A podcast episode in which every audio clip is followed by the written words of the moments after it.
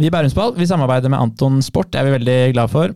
De har butikker i Asker og i Bærum og i Stor-Oslo. Så meld dere inn i Anton sin kundeklubb nå og få bonus på ordinære priser, i tillegg til mange gode medlemstilbud. Så er det mer informasjon Even, på antonsport.no. Ja, Det er bare å besøke sin lokale Anton Sportbutikk for de kuleste merkevarene og den eventyrlig gode servicen. Og da er det nok snakk. ja, Du finner Anton i store deler av Norge, som f.eks. i Kristiansand, Trondheim og Drammen. Så sjekk det ut. Bærumsball, Bærumsball. Du hører på Bærumsball, en podkast om bærumsfotballen av Endre og Even Lybekk. Ja, Ny episode med Bærumsball her, og har en gjest som eh, vi har snakket med lenge om å få til noe. Endelig er du Endelig er du hjemme, endelig er du i kommunen her, eh, Markus Fjørtoft. Velkommen til Bærumsfall. Tusen takk, det er hyggelig å endelig være på. Jeg fulgte med selvsagt hva dere, hva dere driver med, og snakke med både bekjente og ikke-bekjente, så det for meg å være her nå Snakke litt Bærumsfotball og karriere og slik, det, det, er hyggelig. Ja, Bra. Vi har hatt med faren din, eh, Jan Åge, og så har vi med deg. Hvem blir neste i Fjørtoft-familien som skal være med? Er det en av søstrene, eller hva tenker du? Jeg tror pappa er ganske taktisk der. Jeg tror vi er ganske lettet over det. var bare meg og pappa som drev med fotball, og så holdt søsteren seg så langt unna det som lot seg gjøre. Så det blir nok bare oss to til å begynne med. Vi får se. ja, men hyggelig at, du, hyggelig at, du, hører på. Nå har vi deg med her, fordi du er jo en mann som eh, er mye rundt om og farter. Kan du ikke fortelle litt, for du er jo tidligere fotballspiller, men nå spiller du ikke fotball lenger. Hva er det du driver med nå om dagen? Nei, Jeg er hobbyspiller på mandager. Da spiller five-a-side i, eh, i Vest-London og der, og får levd uh, drømmen å være den spilleren jeg alltid lyst til å være. Den tieren og, som kunne drible og ha litt oversiktsvinter. Men uh, med unntak av det så er det lite fotballspilling.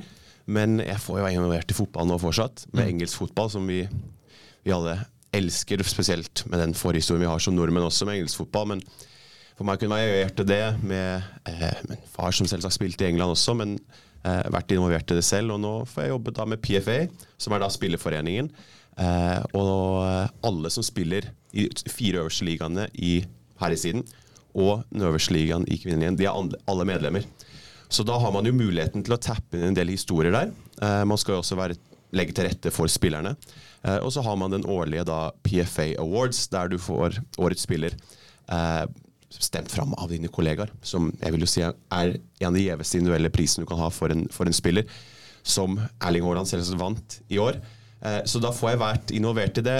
Får intervjuet, får produsert, får redigert, får holdt på med podkast slik dere gjør. Eh, og bare rett fulgt litt sånn lidenskap gjennom, gjennom fotballen.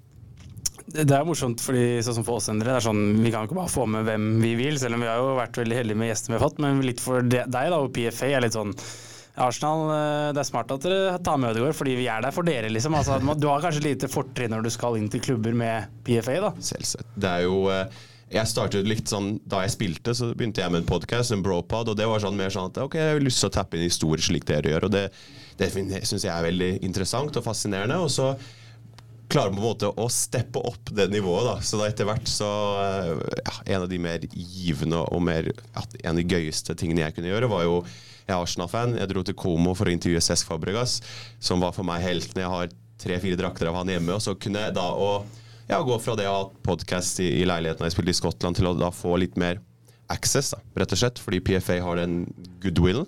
Og så må man selvsagt også man kan ikke bare dukke opp heller. Man må jo pitche det, man må, eh, man må, forberede seg, man må ha et godt konsept også som gjør det appellerende for de òg. Og det føler jeg at jeg har gjort også. Så den kombinasjonen der, litt timing og alt det, har, gjort det ganske, har gjort det ganske gøy. Hva er på en måte stillingen din i PFA? Hvis du skulle sagt hei, jeg heter Markus Kjørsått, og jeg jobber som Content- og klubbrelasjonsansvarlig, vil jeg si. da, Så det er jo helomdekkende. Eh, taktisk sådan. Men eh, det har mye det gikk fra å ha et ikke-eksisterende medieavdeling, og det er litt sånn for en spillerforening som skal være der for spillerne, så er jo det å fortelle stories, både gjennom artikler og, og sånn, men også med gjennom video og intervju og hele den pakka der. Så da var det slik at da jeg la opp, så trengte de det, og da hadde jeg en liten på en måte Jeg kaller meg ganske sånn en sånn generalist, ikke sant, så jeg kan litt alt, tror jeg, og det er jo en, det er jo en styrke. Svakt i til hvem vet, men uh, det var til fordel for meg da. Og da, uh, ja, da får jeg drive med hele den pakka hva gjelder medie, mediebygging. rett og slett. Mm, mm. Du har jo, vi så jo intervjuet ditt med Erling Braut Haaland. Du har snakka vel på engelsk med Martin Ødegaard. Så er det noen andre navn eller, Fabregas, da? Ja, ja, Du må få lov til å skryte litt her, men uh, hvilke andre navn er det du har prata med siste tida? Det er jo et par uh, store store helter for oss to her. Ja, ja. ja det, det, som var morsomt, var at da jeg skulle foreta intervju med, med Haaland på norsk, så var det det var nok det mest nervøse jeg var. Og det var ikke nødvendigvis pga. han, men det var for, mer fordi jeg måtte foreta på norsk. Og det høres ut som å ja, du har vært i utlandet hele pakka. Men det er mer at når du har gjort en utdanning på engelsk, når du har foretatt mest intervjuer på engelsk også, så har du en viss stil eller en sjargong. Så det å skulle gjøre et intervju på norsk, det var sånn OK, nå må vi, nå må vi justere deretter. uh, så jeg gjorde jeg intervju med Martin Høeg på, på, på, engelsk også. Det som har vært fint for meg i år, er jo at det var 50-årsjubileum for PFA Awards. Det har jo en fantastisk historie. Det har holdt på i 50 år. Da har man noen ganske unike vinnere også. Så det for meg å kunne sitte med en, en John Terry enn uh, Ruud van Nistelrooy. Også, også helter som har vært av pappa sin generasjon også, ikke sant? Og, har, uh, og han, de som han har spilt mot. Så sitter med Gary Pallister, gammel United-legende. Uh, også vært med å produsere på de fleste også. Da gjelder det både Gary Lineker, Thierry Henry. Uh, dro til Nederland for, for Van Persie også. Så det har vært jeg tror jeg har alltid hatt en god egenskap til å evne å reflektere på det når jeg er i det. For noen ganger er veien litt målet. sånn at For meg så er det også å tappe litt inn tilbake til da jeg var tolv og, og, så opp til disse her. Og det har jeg vært opptatt av å kunne nyte mens jeg har vært i øyeblikket. For det tror jeg er viktig også. Og det samme gjaldt da jeg spilte også, for så vidt.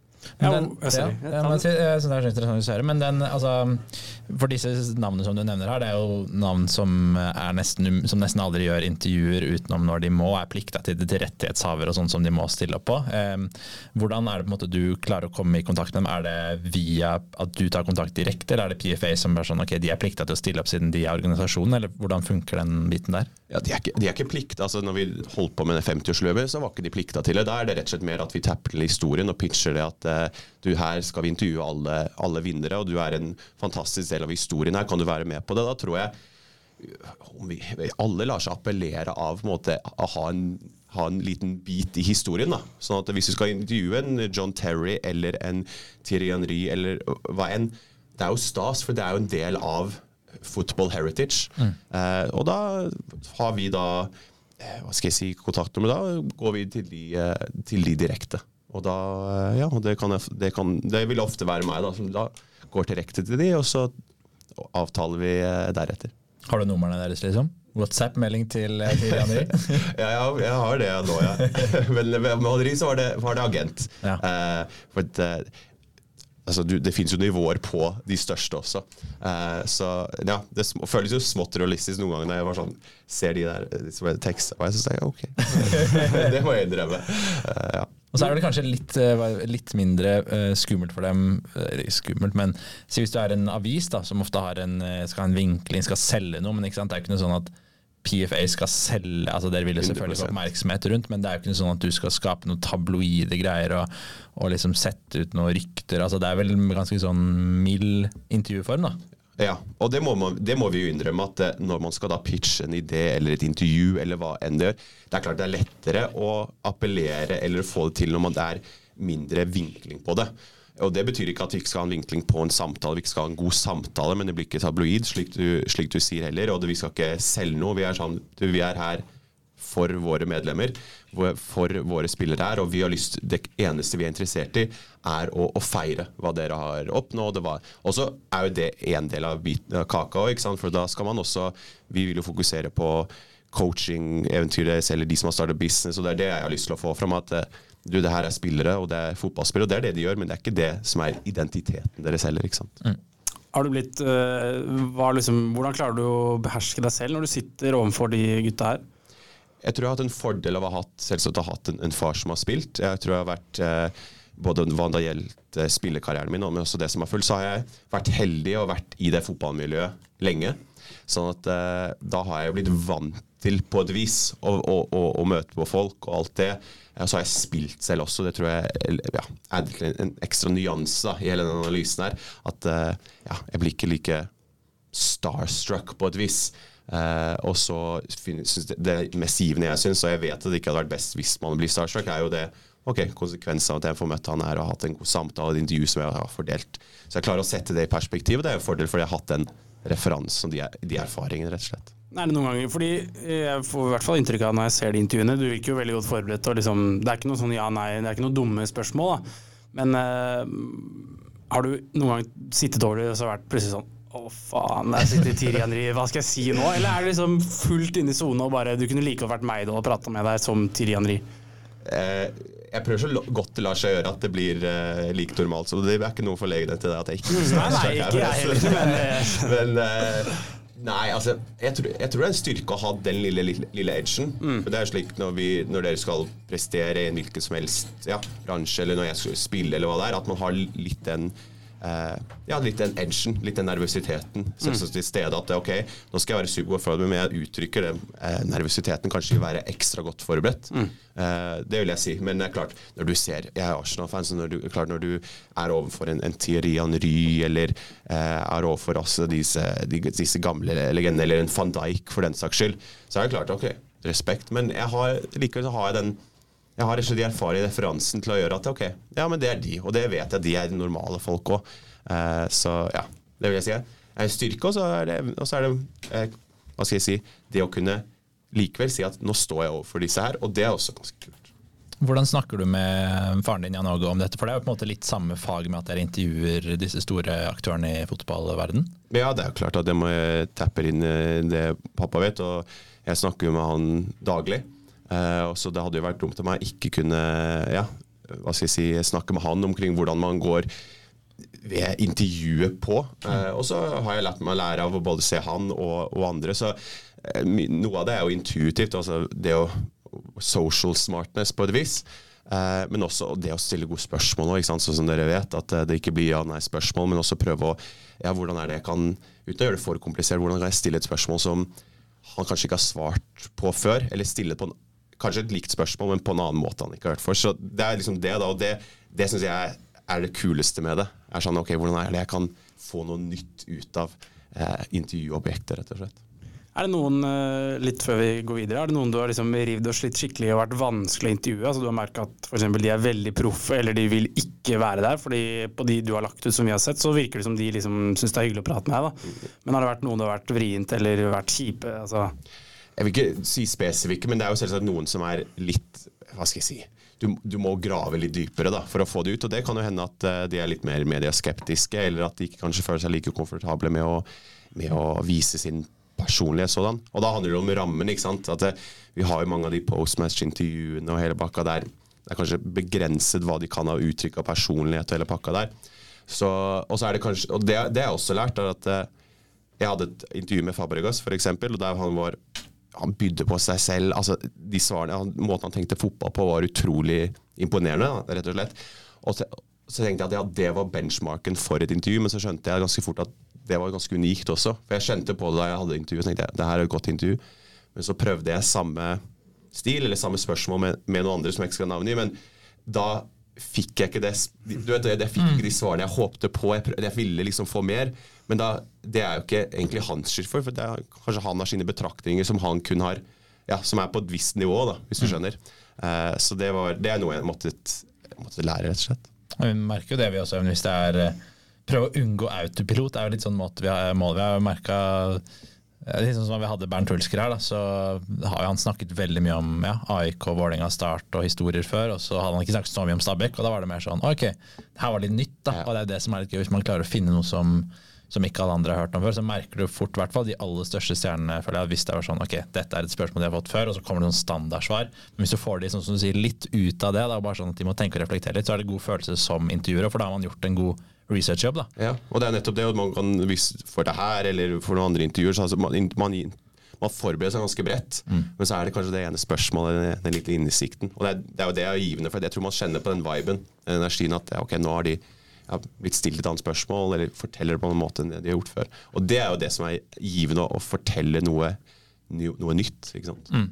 Er det det er fortsatt lenge til jul her. Jeg ønsker meg for øvrig noen nye solbriller. Men vi må ta på oss eh, litt nisselua. Hvordan var det å intervjue Erling Braut eh, Haaland? Eh, jeg tror det er utrolig kult. Altså, at han, hvis det ikke hadde vært for at Messi vinner, vant VM, så hadde han vunnet ballen i år. Så jeg er ganske sikker på at Messi vinner for narrativ og hele den romantikken. her. men jeg syns det er så kult at vi har to av de beste spillerne i verden, i Martin Ødegaard og, Erling Haaland. Og det er et faktum, fordi de har blitt nominert til Ballon d'Or, topp 30. Eh, jeg syns det er kult for oss nordmenn, for det er jo Erling Braut Haaland fra Bryne. ikke sant? Og det er jo, og det er jo om ikke inspirerende for alle at, at en, en fyr fra en liten bygd som, som Bryne eh, er verdens beste fotballspiller. Eh, sånn at eh, å ha det ja, å ha, å ha han å vise til da, for et engelsk publikum og for engelsk fotball, det er jo fantastisk. Eh, og så selvsagt at jeg fikk anledning til å intervjue han da på, på norsk, det var, jo, eh, det var jo gøy. Selvsagt, han er jo eh, verdens beste fotballspiller. Sånn at å ha den, eh, ha den tiden med han og tenke ok, ja, og da igjen da, tilbake til hva slags spørsmål stiller man. Ja, du blir nominert til Årets spiller, hvordan føles det? Men også reflektere litt over eh, bidra, ja, altså bidraget til Martin Ødegaard, Frida Månem og Guro Reiten, som er også nominert til Årets spiller. Eh, men også eh, når er det han innser at han var spesiell, når er det han skjønte at han kunne nå sanne type ting, da, som er kanskje ikke blitt spurt like ofte. Eh, det var jo eh, Ja, det syns jeg var gøy. Å ha den ja, tilgangen med noen av de beste i sitt, sitt game, rett og slett. Ja, var det bare sånn prat, eh, og så dro han, eller var det liksom litt prat dere imellom? Fordi han det virker som han har et ålreit forhold til Jan Åge når de prater sammen nå. At på en måte Jan Åge er god til å stille de gode spørsmålene. Var det veldig sånn robotaktig, eller var, han, var det liksom mulig å prate litt sammen? Visste, han vet at du er sønnen til Jan Åge? Ja, ja. Så eh, ja, det er jo vel kanskje ikke noen som har intervjua han mer enn en far, så det, er jo, så det var jo også et tilfelle der man kan tappe litt inn i på en måte hvordan man intervjuer han også. Og så må jeg si at han har jo blitt han har jo blitt veldig flink i media. Jeg syns de svarene han hadde også, er, eh, eh, var veldig gode betraktninger i så måte. Og så var jo han der med sitt, eh, sitt team også. Så eh, nei, så det var, det var fint det å kunne møte på de, og det jeg møtte på før, og så kunne ja, å møte dem der da de skulle feire hans sine prestasjoner, det var, det var spesielt. For det er jo kanskje litt sånn, Jeg har sett mange av intervjuene han gjør med folk han ikke kjenner fra før, så ser du at han er noen ganger litt sånn Skulle kanskje ønske at han ikke var der. Nå ser du at eh, sant, han får den tryggheten med deg eller faren din, at han kanskje slipper seg litt mer løs, og teamet kjenner deg, og teamet vet liksom at ok, her er det en ryddig fyr, at det kan gi fordeler. Ja, altså, det, altså Nå kan ikke jeg snakke for han selvsagt, men det er jo klart det er jo Det hjelper jo at man kanskje har en litt eh, ekstra referanse. Men uh, han var superfin, og det var uh, superfin med meg, og det var uh, synes han svarte veldig godt for seg. Sånn at det er klart det er jo mye for han. Altså, det var, han foretok et intervju før det på engelsk, og så skulle han ta et intervju der, for vi hadde et sånt winners room. Og så skulle han ta, bli tatt bilder av, så det er jo klart, det er jo mye. Eh, så er jo, man er jo klar over det, men så derfor setter jeg jo enda mer pris på når folk byr på seg selv, slik han gjør. Og det skal man ikke ta for gitt heller, for det er jo som du sier, det er jo ofte at det kan bli gjort i autopilot, eh, også når det er såpass mange. Men ja, det var, eh, det var en gøy aften og en resultat av et års forberedelse med hele denne awards. Så det var eh, en fin på en måte cherry on the top. Er kult. Og der holder du på med det, og så litt podkasting podcasting også, hvis du kan fortelle litt om det? Ja, German Football Podcast, og det er jo et prosjekt jeg og pappa gjør. At vi får anledning til å jobbe sammen med det, med Bundesliga. Eh, og så vet jeg at dere følger med på deres respektive ulike ligaer også. Jeg syns det er gøy at engelsk fotball, fantastisk, men det finnes jo faktisk fotball utenfor Englands grenser også. Eh, og det å kunne følge med på ja, følge med på Bundesliga eh, langt tettere enn det jeg gjorde før. Jobbe med pappa og ha den på en måte Ja, ha den greia sammen. Det, det er jo gøy, og så får vi se hvor det bærer hen. Men eh, ja, det er gøy å følge med på, på Bundesliga og ha den praten oss imellom. Og så gjelder det sånn som dere gjør her nå, å skape den på en måte nisjen, eller hvordan, hvordan appellerer man til det. Og det jeg tror jeg har funnet en ganske god balanse der. Ja, for du har jo vært på både Bayern og Dortmund, kan du. Altså, vi, vi Eh, følger ja, med. Og vi har vært på Hamburg-kamp, til og med. Hamburg-kamp. Det var jo eh, Kiel-ferja til eh, Kiel, og så toget til Hamburg. Jeg var på Hamburg-Dortmund da Hakan Shanoglu skåra fra 45 Var du på meter. den kampen, ja? Så kom jeg hjem på skolen dagen etter, og det var ingen som brød seg selvfølgelig. Da var det viktigere å si at man har vært i Sklien og vært på diskoen i 14. etasje på Color Line Magic der. Ja, men det er jo litt som vi, som du sier, de fleste følger jo, følger jo Premier League, og vi har jo fulgt det evnen da vi var små også, men sånn som nå, nå kommenterer jeg La Liga da, på TV2 og Eliteserien, men, eh, og følger jo serien veldig tett, syns det er veldig kult. Men hva- med deg egentlig, Even? Det lurer jeg egentlig på. Hva er din favorittliga? Utenom NBA, som er eh, basket, da, men mm. fotball, da. Det er vel PostNordligaen avdeling 1 og 2, og norsk Nei da. Nei, eh, vi heier på QPR og har gjort det i mange år, så, men der vises jo få kamper, så det, er, eh, det blir mer Twitter-oppdateringer der. Og så er det jeg syns det er kult med de morsomme Bayern. Altså sånn, for meg synes det er gøy å følge spillere. Sånn som Da Zlatan spilte, så slo jeg på kamper fordi han spilte. Nå er det litt sånn med Kane. Kult å bare se han spille for Bayern, fordi det bare er dritkult at han er i Bayern. da. Um, litt Chelsea, men der er det mye nytt. Så mye nytt at ikke engang du, som også liker Chelsea, vet hvem som spiller der. så og så er det jo Haaland. Han har også fått litt Eller han er jo sånn at man ser på han når han spiller. Og Arsenal syns det er kult å se det i år. Skåringa mot United her for noen um, dager, uker siden. Det var jo sånn fotballmessig helt vanvittig bra skåring. Ja, så det er kult å følge. Nordmennene er jo mange gode. Og så Brentford, da heier vi jo litt på Maier. Ja. Her hører du den nye generasjonen, Markus. Du er født i 94, jeg er født i 95, Even er 97. Det er liksom unge generasjoner som følger spillere istedenfor lag. Det er nettopp det jeg tenkte. Ja. ja. Men det, er fordi jeg er på QPR, da. Ja, ja, men hadde QPR vært i Premier League, så hadde det vært et annet svar. Men QPR er nærmeste klubb der jeg bor, ja. så når jeg spiller den five-a-side, så ser jeg sykler jeg alltid forbi Loftus Road. For en arena. Ja, ja. Så da dro jeg på trening var jeg der forrige sesong. Da fikk jeg intervjua uh, Les Ferdinand mm. uh, for en podkast, faktisk. Og så um, og så, eh, ja, Han var sportsdirektør på den tiden, han er ikke det lenger. Han er jo en QPR-legende, Newcastle-legende også. Så hadde jeg intervju med han, fordi han har vunnet PFA Awards, men han også eh, hadde et samtale omkring det å være sportsdirektør, rett og slett. For jeg syntes det var interessant. Hadde alt klart, og så snakker jeg med deres eh, kommunikasjonsansvarlig, så sier han du, vi er i litt dårlig form her nå, det er jo ca. i mars. Eh, og så kan du bare vente litt. Så sier jeg ja, ok, det høres bra ut. Og så jeg, ser jeg de, venter jeg bare på et godt resultat. Ikke du vet hvordan det er. Det er så ser jeg at de vant, vant altså De var jo i utrolig dårlig form, så vant de, spilte de på lørdagen. Vant. Ok, få et godt resultat nå på tirsdag, så får jeg lagt ut denne, på, på denne episoden. ikke sant? Det var et sju minutters intervju med han. Eh, og så kommer de på tirsdag, spiller mot Blackpool, som endte med å rykke ned fra championship. Låner 3-0 etter 15 minutter. Jeg tror de tapte 5-0 i den kampen. Og så fikk han sparket på slutten, så det intervjuet kom aldri ut, dessverre. Nei, Fikk du ikke lov, eller? Nei, det, jeg måtte bare vente. Det, og det er også en læringskurve. Det, altså, jeg skulle bare skulle ha langt vært langt kjappere på turnoveren også, så ja. hadde jeg mange ting gående. Men eh, jeg skulle bare lagt ut så fort de hadde et resultat. Ikke sant? Men man må jo, det er jo, langs, det er jo langsiktige forhold her, ikke sant. Mm. Eh, så det intervjuet kom aldri ut, rett og slett. det er mye intervjuteknikk her, men du har jo spilt Eh, og vært fotballspiller selv eh, også. og Vi tenkte å ta det litt mer lokalt enn internasjonalt, som det har eh, vært nå. Bare ta veldig kjapt. Ja. Det, er jo, det, er jo, litt Jan Åge. Altså, her har vi sleiken, lekker sleik, vi har litt armbånd, en fin klokke og noen Gucci Adidas-sko, ser jeg. Det er jo ikke småtteri det på Bøkstad bibliotek. Det er absolutt ikke. Jeg tror Hva skal jeg si? Det var jo på, ja, på ønskelista, så jeg skjønte det. Uh, ja, litt sånn diskré flex, kanskje. og to mobiler. To mobiler. Norsk og, og britisk. Ja. pleasure. Ja, dette, dette. Da, kan vi gå, da går vi videre til for, å legge, legge det klart. For å, for å få råd til alt dette, så må du ha vært ganske god i fotball, og det var du. Eh, vi begynte på, um, på Nesøya eh, før du gikk til Bærum. Hvordan var eh, oppveksten og laget du spilte på der? Nei, det var altså Først, min første klubb var faktisk Eintracht Frankfurt, da, var, eh, da, vi bodde i Tyskland i to og et halvt år. Ja. Så da hadde jeg, Det var den første eksponeringen jeg hadde det. Jeg spilte med de, eh, et, eh, ja, de overårige. Jeg hadde en gal tysk trener og skårte på debuten, men jeg tror ikke jeg spilte så mye etter det. Jeg var mest interessert i Pokémon og spille fotball i ny og ne. Og så dro jeg til Nesøya og spilte der til jeg var tolv, på en god gammeldags grusbane der. Eh, og før det gikk videre til Bærum, og da det blir rundt tolvårsalderen, så blir det litt mer satsing.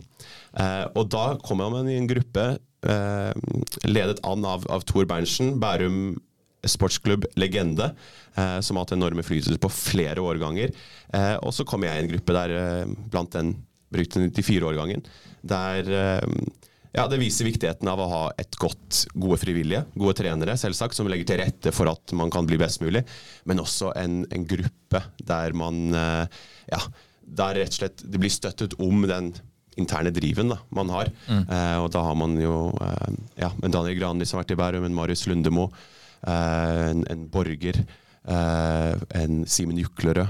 Eh, så alle de og pluss andre. Christopher Wingate, som uh, dro til college og ble drafted. Så der hadde man en ganske god miks med spillere.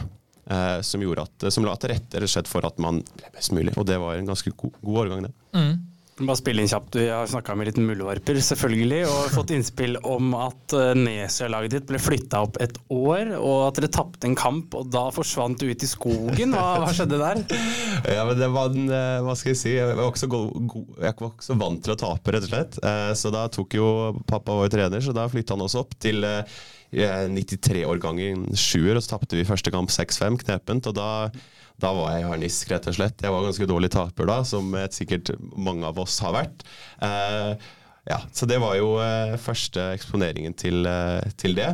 Eh, men så ble det ikke så mange tap egentlig i løpet av gutteralder heller. Vi var jo ganske gode Bærum-årgang også, og nedsida der var det fullt av spillere også. Så eh, ja, så var ikke så vant til å tape, så jeg måtte leve med den. Jeg hørte at du, Det var kamp på Heggedal hvor du sa at uh, Jan Åge var den verste treneren du hadde hatt, og at du løp inn i skogen, og at uh, du ble så forbanna. Ja. Så, ja, jeg, husker det veldig godt. Jeg husker ja. veldig godt den Heggedal var Jeg husker veldig godt at jeg løp fra han. og vi mimra litt her om dagen også. Vi spilte en sånn foreldrekamp, og da tapte vi 2-0 mot foreldrene. Og det var ikke faren min som skåret to mål, og de vant 2-0, det var min mor. Så da var jeg også et tilfelle der man eh, Jeg følte jeg var det, det, ultimate betrayal, rett og slett. At du kunne gjøre noe slikt med meg. ja, for du, altså, hadde det her vært i 2020, og du hadde løpt inn i skogen, kunne du hatt med mobilen og lett etter Pokémon Goes, for det som du sa du likte, men du ble kanskje bare alene inn i skogen og kom tilbake etter hvert? Rett og slett. Ja, men bra. Og så Bærum 94 etter hvert der. Eh, det er jo en eh, statistikk på at én eh, av 1500 guttespillere kommer til Eliteserien. Og faren din var jo litt trener på um, dette laget, og sa vel til dere at maks 1-2 kommer til å bli proffe her, men han tok rett og slett feil. Som du sa, det var seks stykker som på en måte har vært proffe levd av fotballen. Med deg, Marius Lundemo, Simen Juklerød, Borger Thomas, Daniel Granli og Christopher Wingate, så er det noen som uh, ikke er like aktive nå, og noen som er fortsatt er uh, heite. Uh, hvordan var på en måte, Når du ser tilbake på det nå, hvordan var den tiden å være en del av det laget med så mange gode spillere som hadde så gode resultater? Mm. Nei, Det var jo spesielt, og jeg tror det blir mer spesielt når man ser tilbake på det. På den tiden så var det slik at vi snakker mye om satsing, vi snakker mye om at ja, det skal være frivillig og hele pakka. Det, det er helt greit, det. Men vi var der en gruppe der vi har en, vi har en affekt på hverandre, rett og slett. Og det var eh, det var en sånn enorm driv, og ekstremt profesjonelt. Men det var ja, tilrettelagt av trenere, men også tilrettelagt av oss selv. Vi ville trene. Når vi ikke trente, så var vi sammen og, og hadde egentrening. Eh, vi hadde den beryktede runden hver tirsdag som startet fra Kadettangen rundt Sandvika. Det var 4,2 km, tror jeg. Og vi, altså, vi, spøy hver gang. og Det var sånn ny rekordsetting hver gang. og det var Om det var i desember eller om det var i juni. Det, var, det løp vi hver gang, så vi var enormt godt trent. Men det var sånn det var sånn det var. Og da, det er klart at man hadde så gode spillere som vi hadde, eh, så klart det har en effekt. Og vi er all ekstremt ambisiøse. Sånn at eh, Nei, det er noe jeg mimrer tilbake på nå og tenker wow. Eh, det var ja, det var noe spesielt. Og som sagt, ja, pappa, statistisk, statistisk, sett så er det én til to som når det. Men vi vet ikke hvem mm. som når det, ikke sant. sånn at da er jo det et tilfelle der man jobber så godt man kan. Og så sa jeg rett før her, Vi var også på en kretssamling, og da sa han kretsansvarlig han sa at det var 250 av oss der, eller hva. Så sa han at eh, det er kun én av dere som kommer til å nå det. Han sa det mer Ja, det, det, er, det er, bare sånn det er. Det er kun én nå. Pappa sa ja, statistisk sett så er det det, men du vet ikke hvem det er. Og det er jo det som er så nydelig. Mm. Sånn at, eh, og da husker jeg at han sa det, og da, og da det var nesten sånn at uh, pappa ville reise seg og si ja, men du, jeg jeg var ikke på kretslaget. Jeg har x antall landskamper, x antall mål, hatt en god karriere. Han var ikke engang på kretslag. ikke sant? Mm. Og det tror jeg er et godt eksempel på at, om det er unge som hører på, men også noe som jeg ble fortalt da jeg var yngre også, var at eh, ja, pappa, pappa, sa ofte jeg vet ikke hvem som kommer til å nå det, men jeg kan si deg hvem som ikke kommer til å nå det. For det var litt, sånn, litt med profil å gjøre, men det har mye med attitude å gjøre også. Mm. Eh, jeg tror ikke, jeg dro fordel av å dro på college fordi at jeg var ferdigvokst da jeg var 22. Mm. Og så er det andre som har kanskje en bedre utvikling, det er 16-17. Men når jeg er i England, så sier jeg alltid jeg hadde aldri overlevd i et akademisetting i England. For det er klart at Hvis ikke jeg var god nok når jeg var 15, da jeg fortsatt var minst i klassen og ikke spilte stopper, så hadde jeg bare blitt kasta ut. Så ja, men det er din proffdrøm over. Eh, som bare beviser at det fins ulike utviklingskurver. da. Mm. Ja, for Jan Åge tok over for dere da du var 16, skjønte jeg. Mm. At han da sa at du hadde potensial til å bli en spillende stopper, sånn du vokste. Og da var det en snakk om en, en kamp på Lørenskog som gikk ganske dårlig. Husker, husker, du den? Jeg husker det veldig godt, for det var de få gangene vi hadde Det var ekstremt stor optimisme gående i den kampen. Så tenkte vi ok, nå drar vi til Lørenskog. Eh, og så tar vi en tekstburger på veien tilbake og koser oss tilbake med den. Og så var det mitt første år som, spill, som, som stopper. Eh, det var et tilfelle der jeg ble, jeg ble, høyere, jeg ble tyngre. Jeg hadde kanskje ikke den samme rappheten i, i bena, rett og slett, som jeg hadde. og da det er klart, Alle vil jo bli sentral midtbanespillere når de, eh, når de er unge. ikke sant? Og da er det et numbers game, rett og slett. At eh, det er kanskje ikke like mange som er stopper, kanskje. Og kanskje man har en litt mer X-faktor der, og da, da pappa da, som flyttet man ned til som stopper. Og det er jo også en enorm læringskurve, for når man har gått fra å være midtbanespiller hele sitt liv og alltid tenke mål og, og assist, til å bli stopper, så er jo det ja, må learn the hard way. Og da dro vi til Lørenskog, husker jeg at jeg starta de første ti minuttene med å, å prøve å drible ut eh, bakfra mista ballen, de skåret 1-0. 2-0, selvmål.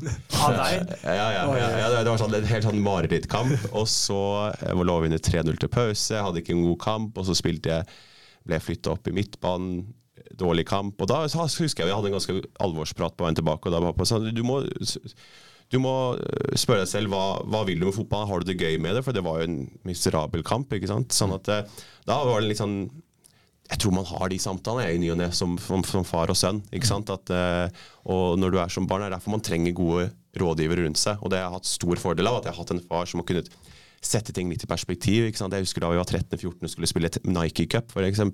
Da alle de beste landene fra Norge kom, og vi trodde det var VM. ikke sant? Og skulle hype oss opp, eller at vi, hadde, vi var selvutnevnte favoritter til Dana Cup, og vi røket i gruppespillet mot til hele Bærum sitt sjokk. ikke sant? Sånn at mm man setter litt mer perspektiv. da. Mm. Og det, det var kanskje ikke jeg innså det på den tiden, men jeg hadde alltid pappa der som ja, rådførte. Og det er, det, det er kanskje ikke alle unge som har det mm. på det samme vis. og Derfor tror jeg at uh, ja, jeg dro fordel av det. Både hva gjaldt det å følge en fotballkarriere, men også det å ha utdanning, og hva det innebærte når jeg f.eks. dro til USA, eller hva jeg foregikk på sida. Mm. Ble det tekstburger? Det ble ikke tekstspill. Det ble, ikke, det ble en, det ble en, det ble en, en kjapp og effektiv femminutters eh, samtale, og så var det helt stille. Der jeg husker det veldig godt. Går inn på tekstspill. Jeg skulle bestilt én stykk samtale med pappa, ikke, ikke noe hamburger. så er det jo kanskje mange som hører på nå som ikke har sett deg spille, og tenker hm, hvordan spillertype var denne Markus Hjørtoft? Eh, og det har vi snakket med andre om, som har eh, sagt og beskrevet deg. og Det de har sagt, er at du har en eh, veldig duellsterk eh, midtstopper. God med ball, stor arbeidskapasitet. Eh, ufattelig treig, men god med ballen. eh, ofte kaptein, ledertype. Gikk foran som et godt eh, eksempel. Uh, er du enig i beskrivelsen der? Ja, stort sett. Jeg må jo innrømme at jeg var jo ikke den raskeste. Det var jeg ikke. Um, og det var jo det var, ja, det var en del grunn til at man kom ned og stoppa. Altså. Men så er det jo klart at eh, hvis man tenker på hva slags neste nivå man kan ta, så er jo det selvsagt noe med tempo. Det er jo viktig på et vis, men så gjorde det meg bedre til å være litt mer fotballsmart, kanskje, på et vis. Men eh, det var en ganske fin beskrivelse. Jeg tror jeg hadde ja, hva skal jeg si, Det utviklet seg med tid. Da jeg ble større, så når du ser meg jeg er 1,94 høy, så, så er det mer forventning at skal, man, man skal være bedre i lufta, man skal være mer duellsterk. hele pakka, så Det var jo også en del av, av utviklingen, og det fikk jeg jo virkelig eksponere meg til da jeg dro til Skottland også. For Jeg husker jeg dro fra Jeg spilte, var en ekstrem spillende stopper, kanskje for mye til tider. Um, men da jeg kom til Skottland, og da sier jeg alltid at man er et resultat av erfaringer sant, og referanser. sånn at eh, Da jeg kom til Skottland, jeg var 25 år, og jeg signerer Ja, jeg var i New Zealand, men signerer da en proffkontrakt i Skottland i 25, så er jeg egentlig 18-19 når det kommer til erfaring. For jeg dealer med 18-19-åringer som har hatt en spilt i Skottland eh, flere kamper enn det jeg har gjort. Så for meg å komme dit da eh, Det var en læringskurve. For da var det også sånn Jeg trodde jeg var god, på, god i lufta. Eh, da jeg kom dit, tenkte jeg ok, det har jeg, det har jeg greie på. Og så spiller jeg den debuten for premiership-debuten. Eh, blir byttet inn etter 15 minutter som stopper. Det er ikke noe verre enn å bli byttet inn tidlig som stopper inn i en kamp. Eh, og så tenkte jeg ok, stopp, eh, hodeduell, det har jeg i hvert fall greie på. Mm. Så møter jeg en, en spiller nå som eh, i Ross Stewart, som jeg tror er nå i Sunderland, eller han var i Sunderland, whatever. Og jeg møtte han, jeg tapte hver hodeduell. Han skårte på en dødball. Det var sånn helt, Og da hadde jeg en ordentlig sånn eye-opener mm. eh, med tanke på at ja, ok, ja, nå, er det, nå er vi litt par hakk over det jeg var vant til. Og så med tid så blir man vant til det. Man spiller flere kamper, og det er litt sånn høna egg. Skal man bli, få sjansen først, eller skal man være klar til å få sjansen?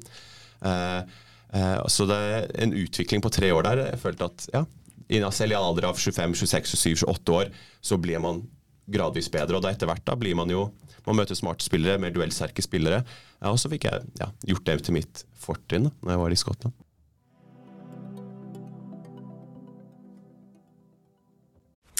Neste uke så åpner Anton Sport i Storgata 28.9. Og vi er som alltid Endre, veldig glad for å ha med oss Anton Sport på laget.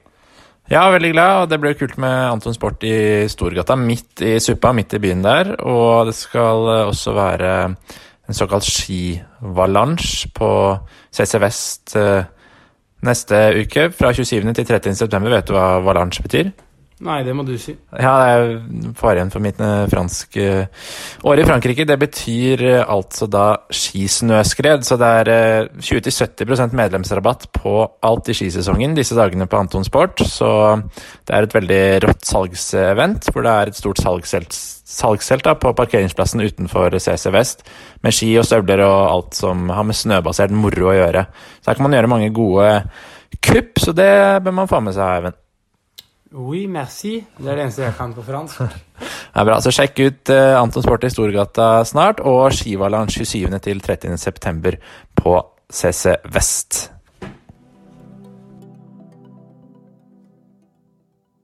Ja, og Før du dro til Skottland, så, så, var det jo lenge Bærum som vi snakket litt om her, og spilte på et veldig bra 94-lag, og så juniorlag etter hvert. Og så ble det én A-kamp. Eh, hva tror du er grunnen til at det ikke ble flere A-kamper for Bærum for deg? Nei, altså jeg, jeg, jeg, har alltid vært en late bloomer. I, mm. i den forstand hadde et uh, Jeg skal ikke være den par skader, men det er klart det setter deg litt tilbake. Men jeg var en, jeg var en late bloomer. Det, er det eldre jeg har blitt, det mer jeg har sagt det med, med stolthet på et vis. Men uh, ja, jeg, jeg, gikk alle de Jeg spilte selvsagt med overåret i hele pakka, men da jeg var 19 år, så spilte jeg siste års junior. Var kaptein på, på juniorlaget der, men det var likevel siste års junior. Og så fikk jeg så var jo Bærum i en, en ganske god fase her. Det har dere snakket med Andreas Aalbu om. Mm. Eh, og, og, jeg fikk jo trent med det med far etter at jeg var ferdig med juniorlaget, så, så var jeg jo i den, i den troppen også. Eh, så det var en ekstremt god periode for Bærum, Bærumsfotballen. Eh, men eh, det var gode spillere på den tiden, så må man innrømme ok, er man klar nok, er man god nok, kanskje ikke. Og så kanskje hvis det har vært to-tre år senere, så har man, har man kanskje tatt igjen da, det, det, det fortrinnet man, eh, man ikke hadde på den tiden. Så ja, men det var en ekstrem ord på Aalbu sa det også. Jeg husker godt eh, de spillerne som var der. Eh, og det var en del av grunnen til at jeg ble et år til. Jeg var ikke klar til å flytte til USA. Og da var jeg med den gruppa der, trent og var en del av en, en veldig spennende periode. Ja, for Det er jo godt poeng det du sier, fordi at uh, det her var jo 2013 hvor du får en A-kamp, og så er det jo 2014 som er den eventyrsesongen til Bærum som nesten ender med opprykk til Eliteserien. Mm. Um, så vi ser på lagoppstillingen her på den ene A-kampen du fikk, hvor du starta. Husker du hvem det var mot? Notodden, var det ikke det? Eller Nesodden. Nesodden, ja. Nesodden. Bare bytte ut OOT O og T med EOS. uh, Markus Hjørtoft uh, fra start der som stopper. Marius Lundemo på midten. Amal Pellegrino, tre mål på topp.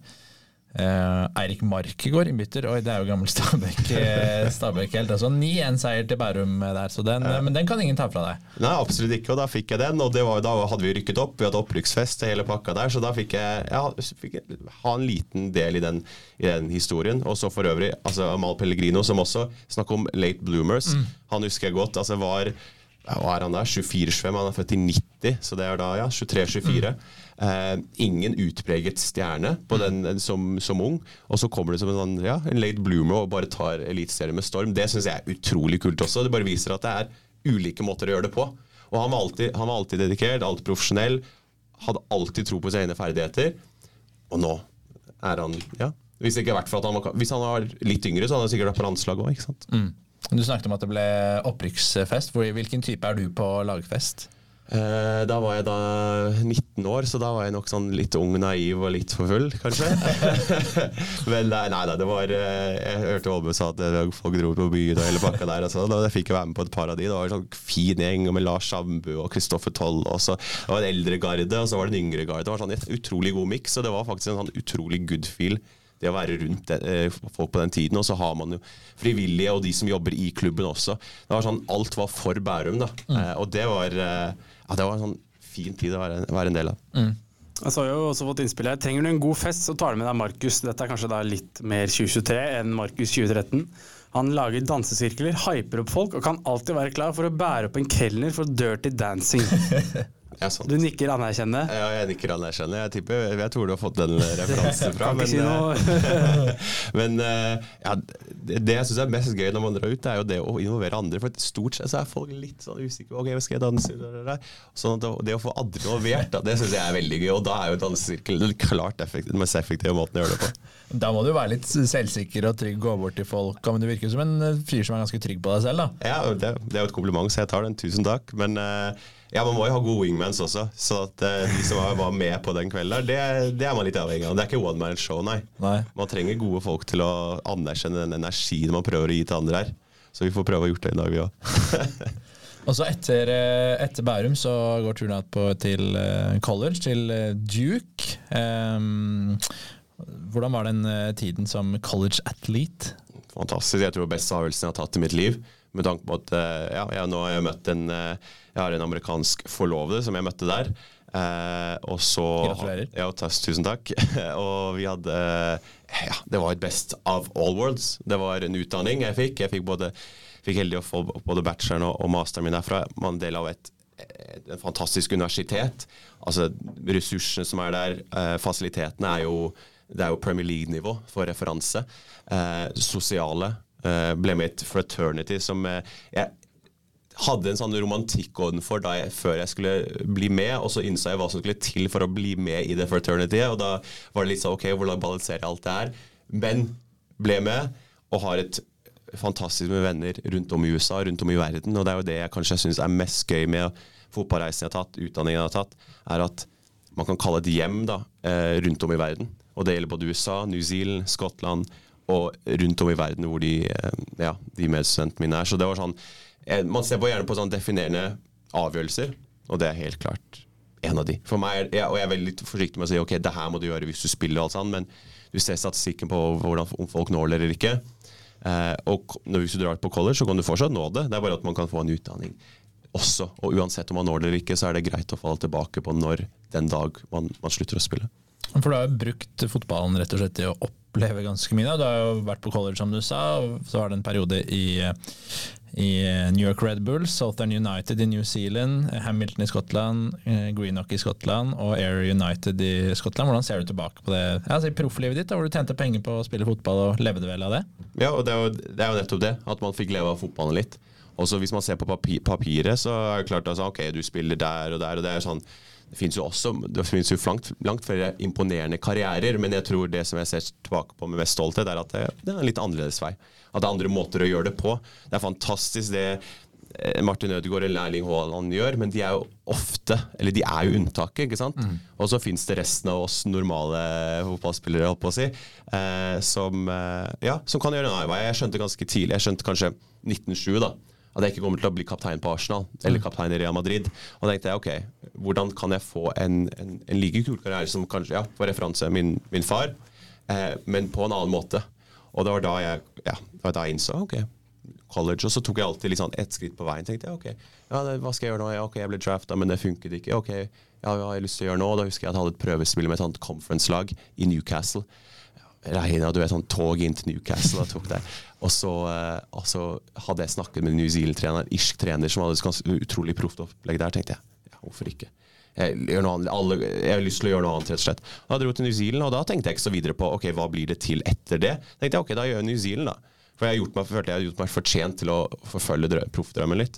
Og så, så hadde jeg en kompis som spilte i Skottland, og så har faren hans agent, og så sa, så sa jeg du, jeg har jo spilt med han, tror du jeg kunne klart å spille på det nivået? Eller jeg, jeg visste at jeg, jeg visste hva slags kvaliteter han besto av, så tenkte jeg ok, men det kan jeg spille på det nivået. Så ordna meg et prøvespill, og så ja, ok, ja, så funka det. Og så var det litt sånn Ikke happy go lucky, for det var alltid en plan om konstant utvikling, men det var mer det at eh, ja, nå skal vi se hvor det bærer hen. Og da, og da da ble fra Skottland. For det er jo klart det er jo et ganske eh, ukonvensjonelt eh, valg, eller ikke valg, men eh, skritt å gå fra New Zealand-fotball til skot skotsk fotball. Men det var slik det ble.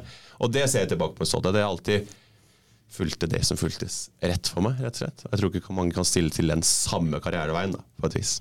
Ja, det er ganske Vi har jo prata litt med Jan Åge som, som, sa, det mente han oppriktig, at han føler at du kanskje har fått mer ut av fotballkarrieren enn han. Altså sånn, og ikke bare du, altså du ler jo litt, og det er litt sånn her, hvordan kan han si det? Men da mente han at du har brukt fotballkarrieren til å få så mange opplevelser, en utdanning, og på en måte brukt fotballen til alle stegene i karrieren din, da, med master i USA, bodd i mange forskjellige verdensdeler, vært proff i Skottland og nå jobb i P PFA. Så liksom du har utnyttet veldig mye av det du har lært av fotballen. Det kan du vel kanskje skrive under på selv òg, da? Ja, definitivt. Og så kommer det helt an på hvordan vi definerer suksess, eller hva vi har fått ut av det. ikke sant? Sånn at um, ja, pappa har hatt en, en fantastisk uh, karriere.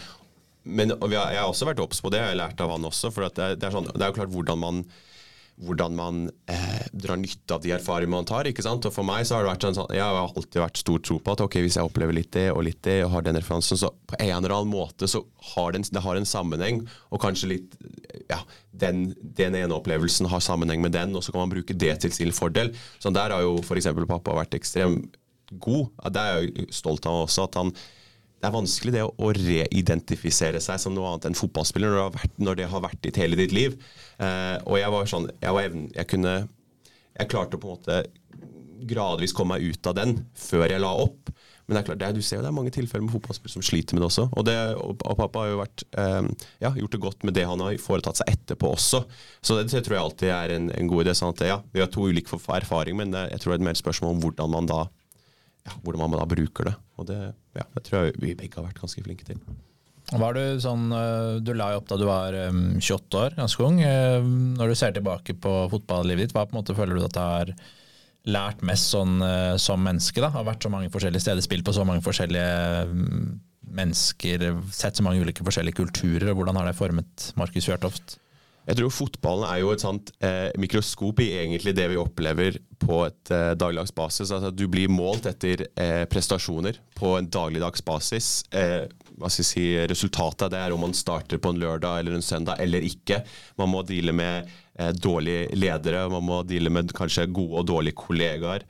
Eh, man må deale med fans som skal kommentere på, på hva man skal gjøre også. sånn at det, det er en ganske sånn intens eh, utdanning, da, på et vis. Jeg har en fetter nå som også spiller i USA nå, han går gjennom det samme. Så sier jeg det, du har skole, du har alt det der. Men det er ingen bedre utdanning enn det.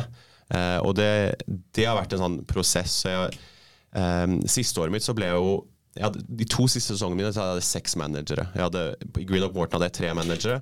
Ble henta av en trener. Ble hentet av samme trener, så ga han seg. Så ble det to andre trenere. Og da, Den siste manageren jeg hadde, valgte, han, han starta meg ikke én kamp. Og det var også en sånn, For meg er det når jeg ser tilbake på karrieren, så er det den største innsikten. For da tenkte jeg ok, det er to måter jeg kan reagere på. Det ene er fuck the coach, fuck alt sammen, her gidder jeg ikke. Alt sånn, skylder på alle andre. Og igjen, daglig samtale med pappa og hele den pakka der. Eller er det ok, hvordan reagerer jeg nå? Hvordan jobbe hardest mulig, ikke gi noen unnskyldninger, bare hodet ned. Og så banker man på døren selv og sier jeg bør spille, men likevel. Også konsekvensen av det var at jeg spilte meg tilbake inn på laget, at jeg fikk muligheter. Og, mm. og hele den pakka Der sånn det, der er fotballen en sånn god eh, referanse, selv om tar, når jeg tar det inn i dagligdaglivet nå. At eh, ja, Ikke hevn serveres kall, men det er mer et tilfelle der at eh, ja, det er et konsekvens av hva man gjør selv. Mm. Uh, og der tror jeg fotballen er god. For jeg har fulgt av, du vet, dere har vært i fotballmiljøet der folk ah, trener, der, der, der, der. Mm. Det har ikke så stor tro på. For det er litt sånn loser mentality. Mm. Og det har jeg kunnet eh, ja, Det har vært en av de større innsiktene eller lærdommene man får fra, fra spillet. Samt det at man får oppleve det på tvers av kontinent, på tvers av land. Mm. Og det å kunne måtte justere seg etter ulik fotballkultur. Det er ikke sånn uten videre, Jeg ser folk dra ingen sammenligning for øvrig, men når de drar til Premier League og skal spille i et nytt land Det er ikke bare det å, å på en måte gå fra La Liga til Premier League, sånn som når Bellingham, da, mm. du som følger med, mm. at du går fra Bundesliga til eh, La Liga. Igjen, ingen sammenligning for øvrig, mm. men at å evne å kunne eh, tilpasse seg det, mm. det er også en enorm styrke. Mm. Eh, så det lar jeg meg ja, veldig imponere av. Mm. Gamle, gamle gjengen fra Bærum, holder du kontakt med av gutta der? Ja, absolutt. Jeg får sett nå får jeg jo, Når jeg er hjemme, så prøver jeg å, være så effektiv som mulig og få sett så mange som mulig og, og hele den pakka der.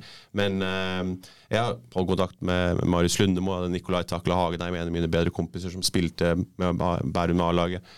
Um, Tobias Ødegaard spilte jo der også. Uh, og så er man jo, følger man med på sosiale medier hele pakka der. følger med at uh, Daniel bytter klubb, og man, ser, følger, man, følger, jo med på hverandre. Det gjør man selv om man ikke nødvendigvis snakker med hverandre hele tida, så har vi jo noe, ja, en delt opplevelse der eh, som ja, man ikke kan unngå. Mm. Hvordan syns du det er å følge Bærum nå, som litt sånn ja, ingenmannsland i andredivisjon, da? Det er jo tøft, da, for man har jo Ja, vi har Stabæk rett nedenfor her. Mm. Eh, og det er jo kanskje Ja, det er jo den største klubben. Det er jo de som Vi dro i fordel av at vi hadde en ganske god årgang der Jeg vet ikke om Stabæk nødvendigvis begynte å eh, toppe eh, så tidlig. Mm. Ikke sant? Så da de var 12-13, så var det ikke like profesjonalisert som det var, det var nå. Eh, men dessverre, eller dessverre for Bærum kanskje, er at flere drar til da Stabæk eller Hornley, de beste spillerne. Vi hadde jo fordelen av at vi var der i lengre tid. Mm. Så da fikk jo man jo da fikk man de spillerne til å spille på A-laget, og så fikk man da dratt nytte av det, ikke sant? og så har det en, en effekt. sånn at um, ja, eh, jeg tror nå også begynner Bærum å finne seg en, en De må reidentifisere disse her, de òg. Jeg har fulgt med, snakket med folk i klubben, så jeg følger jo med. Mm. Uh, men det er klart det er jo en utfordring når man skal konkurrere med større naboer. Hva tenker du videre for din egen del i livet nå? Har du noen eh, drømmer, eh, drømmer videre? Det er, ja, det, det store spørsmålet. um, jeg kommer til å bo i, i, England inntil videre. Elsker England, elsker London. Jeg er født utenfor eh, London, også i Swindon. Uh, og Der får jeg holdt på med å være kommentator og hele den pakka der. Og så får jeg jobbet med skotsk fotball litt. Og så, alt er litt sånn gradvis. Da, sånn det, det, er ikke sånn quick fixes. Det er sånn stein på stein elsker det jeg gjør med å intervjue. Syns det er utrolig gøy, men det er ikke alt jeg har lyst til å gjøre. Jeg har lyst til å gå så bredt som mulig, egentlig, og så se hva som blir konsekvensen av det. Så Jeg har ikke noe sånn spesifikt med tankene, men jeg elsker det å fortelle historier. Men jeg elsker også det å skape ja, skape de relasjoner og skape prosjekt også. Og det er jo igjen tilbake til min far. Altså det er litt sånn likt at man har det som sin referanse, eh, men det er også det jeg liker og det best å drive med også. Så eh, ja, det blir spennende. Og jeg vet i hvert fall at jeg er i riktig bransje. Industri, fotball, det er jo ingenting bedre. ikke sant? Sånn at eh, ja, hva er det man kan oppnå gjennom det? Kommersielt, media, mm. alt. Mm. Bra, det. Ja, vi Altså, Vi får endre streifa litt innom karrieren din, men eh, det som er, altså vi kan jo ta det veldig kjapt, selv om Endre sa det. Du ble jo drafta av Seattle Sounders, og så var det litt morsomt at de henta inn Magnus Wolff Eikrem på mm. den siste utenlandske kvoten. For det er jo en artikkel som ligger ute, som er skrevet av en enormt bra journalist. Jeg skal se Ja, det var Eivind Luvik. Det, var, det var jo rart. For øvrig enorme klikktall på denne saken her. Du og Markus Naglestad, litt sånn lurete overskrift. Norsk utenlandsproff-saker, de leses som hakka møkk. Men da var det altså, du var jo der og var jo på et par, spilte et par kamper, og så trente du med Middlesbrough U23 mm. og Holstein Kiel mm. i andre Bundesliga. Og så var det den linken med Lutz Paffenstiel, ja. som, hadde, ja, som hadde vært i Bærum. Altså du var med Southern United mm. i New Zealand. Og da ble det også head of marketing og media. Nå sitter jo jeg og oppsummerer din karriere, er jo rart, men bare for å liksom ta det kjapt, da. Og så og så kom du til Skottland, og du spilte mot Celtic og Rangers. altså hvor hvor Jeg skal ikke si surrealistisk, eller jo altså, det, er, det, er, surrealistisk. Det er jo ganske sjukt. Du har liksom spilt mot Celtic, da, et av tidligere altså Jeg skal ikke si et av verdens beste lag, men et Champions League-lag regelmessig også på den tida der. Ja, ja absolutt. Og jeg, for meg er jeg, ofte, jeg ser ikke sånn mot eksternt uh, hva som foregår, men uh, jeg syns det var gøy, for den den karrieren jeg hadde da, opp igjennom til jeg var 22-23, så hadde jeg egentlig ikke noe business av å bli proff, hvis du skjønner. Sånn at eh, man sier ja, hvis man ikke får på med 18-19 eller pakka der. Så jeg, Det skal jeg se tilbake på og tenke det er litt deilig å vise til, vise til at jo, det var folk Da jeg var i New Zealand, så anbefalte han treneren meg og sa ja, du har nok best å gjøre prøvespill i, i irsk altså Adecco, Obos. No disrespect, men likevel disrespect i den forstand at jeg følte jo, men jeg er bedre enn det. Uh, så det for meg da å kunne vise til at jo, her spiller jeg mot Celtic, her spiller jeg mot Rangers, selvsagt syns jeg det er kult. Selvsagt syns jeg det er kult å spille på Ibrox mot Tremaine Defoe. Det syns jeg er kult i tre minutter, inntil man innser at man ikke har ball, og vi, og vi taper 5-0 og han skårer hat trick. Men, uh, men, de øyeblikkene her, da, igjen tilbake på det jeg sa innledningsvis, er at uh, evnen til å kunne forstå hvor man er når man opplever det. Og det husker, Jeg husker enda den følelsen jeg hadde da jeg fikk debuten min fra start, borte mot Hearts på Tynecastle, undervurdert stadion. Stadion er superbratte der. og Det føles nærmest som publikum over deg. Og jeg gjorde byen der, tenkte jeg Da husker jeg det innså da jeg gikk ut tunnelen.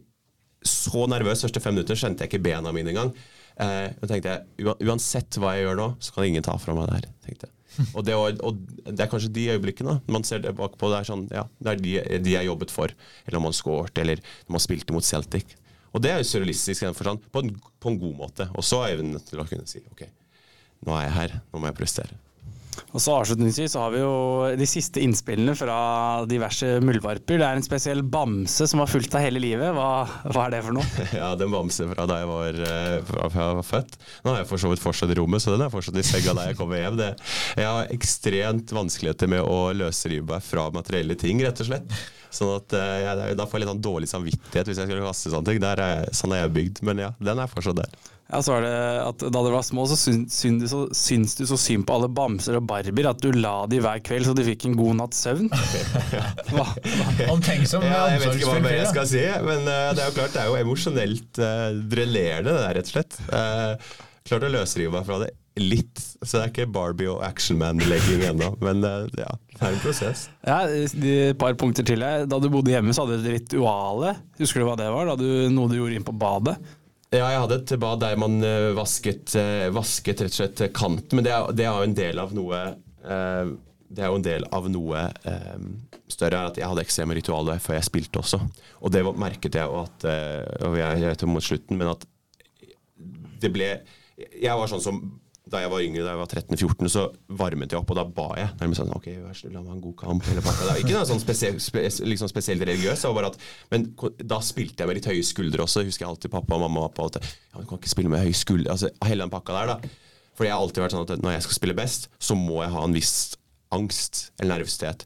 Og så kan det bli overgått, og så det eldre man blir, det mer balanserer man det. Sånn at Da jeg spilte i Skottland, sånn, så skjønte jeg ok, ja, nå er jeg litt for rolig opp mot denne kampen. her. Nå må jeg, nå må jeg, nå må jeg bli litt mer spent. Eh, men eh, en del av det var jo det å ha kontroll på den angsten, var å ha mange ritualer.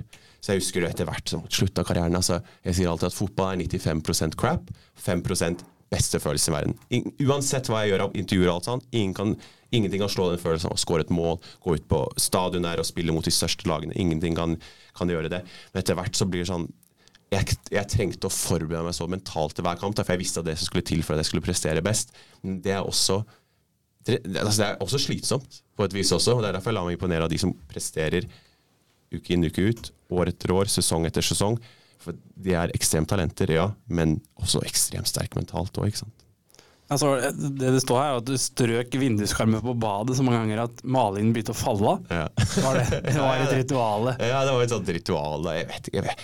Vi kan jo gå på en måte en sånn freudansk psykologiprofil, men eh, jeg vet ikke. Det var en måte jeg hadde Hva skal jeg si? Jeg vet ikke, jeg vet ikke hvorfor jeg gjorde det. Det var bare en, eh, ja, en sånn greie jeg hadde for å passe på eh, vinduskarmen. Sånn, det er jo ja, helt men Ja, så virker du som en søkende fyr. Da har vi også fått innspill. Som ung hadde utrolig mange spørsmål hele tiden, og veldig nysgjerrig. Onkelen vår ble til slutt så lei og kjøpte han boken 1001 spørsmål, der han kunne få alle svar. ja, Og det leser jeg ikke et ord av i den boka der.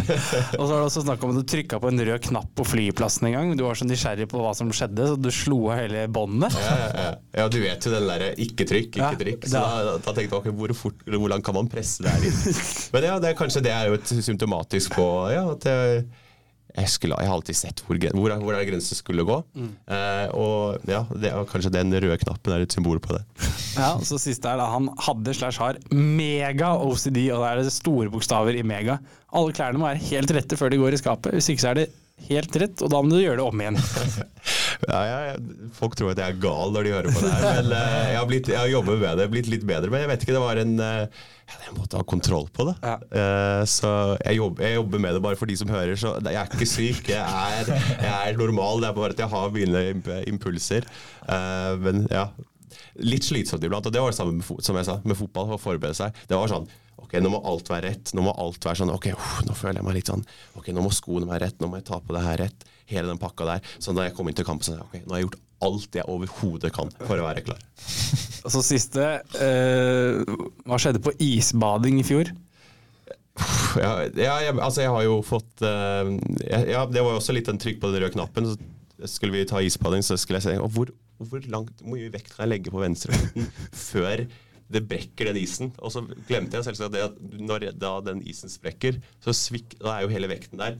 Så da falt jeg uti isen først. Men eh, familien har en teori om at da jeg falt i isen på min venstre side, så var det som forårsaket det at jeg ble at jeg fikk sånn der sudden deafness på venstreøret mitt, det, er ikke, det, er ikke, det tror jeg ikke på. Det er ingen korrelasjon, men uh, det er det de har en teori om, da. Jeg forstår det. Det som er funny, er at han mistet hørselen plutselig mens han satt siden av tante som har høreapparat, og bestefar med høreapparat. Ja, så jeg er jo egentlig ganske Jeg er jo et vitenskapelig gjennombrudd i den forstand at jeg har vist at det å få sudden deafness, eller få deafness, det er eh, smittsomt, rett og slett. Okay. Ja, så det er det jeg har visst. Hvordan går det nå, da?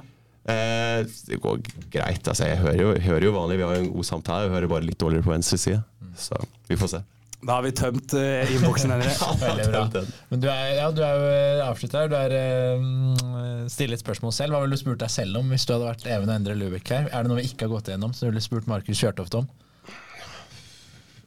Jeg vet hva et spørsmål man kunne ha stilt, men uten at jeg hadde hatt, kanskje et godt svar på det. Man, man tenker, ok, hva, hvordan, hva ser deg, Hvor ser du for deg at du er om, om fem år, eller hva du gjør om fem år? Eh, og Det spurte jeg litt om. på en måte, Hva er målet, hva er drømmen videre? Eh, og det, det noen ganger lurer jeg på selv også, og det må man kanskje jobbe imot. Det er sikkert for dere også. Så tenker man, ok, hvor er man da? For jeg tror for min egen del så har det alltid vært om utvikling, så har alltid konsekvenser. Det sier jeg alltid, men det er fotballen et godt, eh, et godt tegn på. så det hadde jeg nok spurt, og så får vi se hvordan det blir. At det blir at det er i England, det tror jeg definitivt. For jeg elsker å være i England. Jeg elsker å være involvert i engelsk fotball. Det virker godt på meg å, å bo utenlands. Altså Når man har barn og alt sånt, så kan man vurdere Norge og få de, få de barna å spille i Bærum. Eh, eh, men eh, ja, vi får se hva som skjer etter det. Men at man har lyst til å drive med det jeg fortsatt driver med, det har jeg definitivt lyst på. For det er, fotball er verdens største bransje. Verdens spennende bransje. Så ja, det er det ingen tvil om, i hvert fall. Det er bra, runder vi- av der. Ta med oss videre det du sa i stad, syns jeg var bra, med at man må nyte ting mens man er i det. Eh, så vi får ta med det. Nyte livet mens, mens man Litt lever. livsfilosofi her også. Ja, det er bra. Ja, men takk for at du kom, Markus. Tusen hjertelig. Hei. Snakkes vi på den. Hei, hei.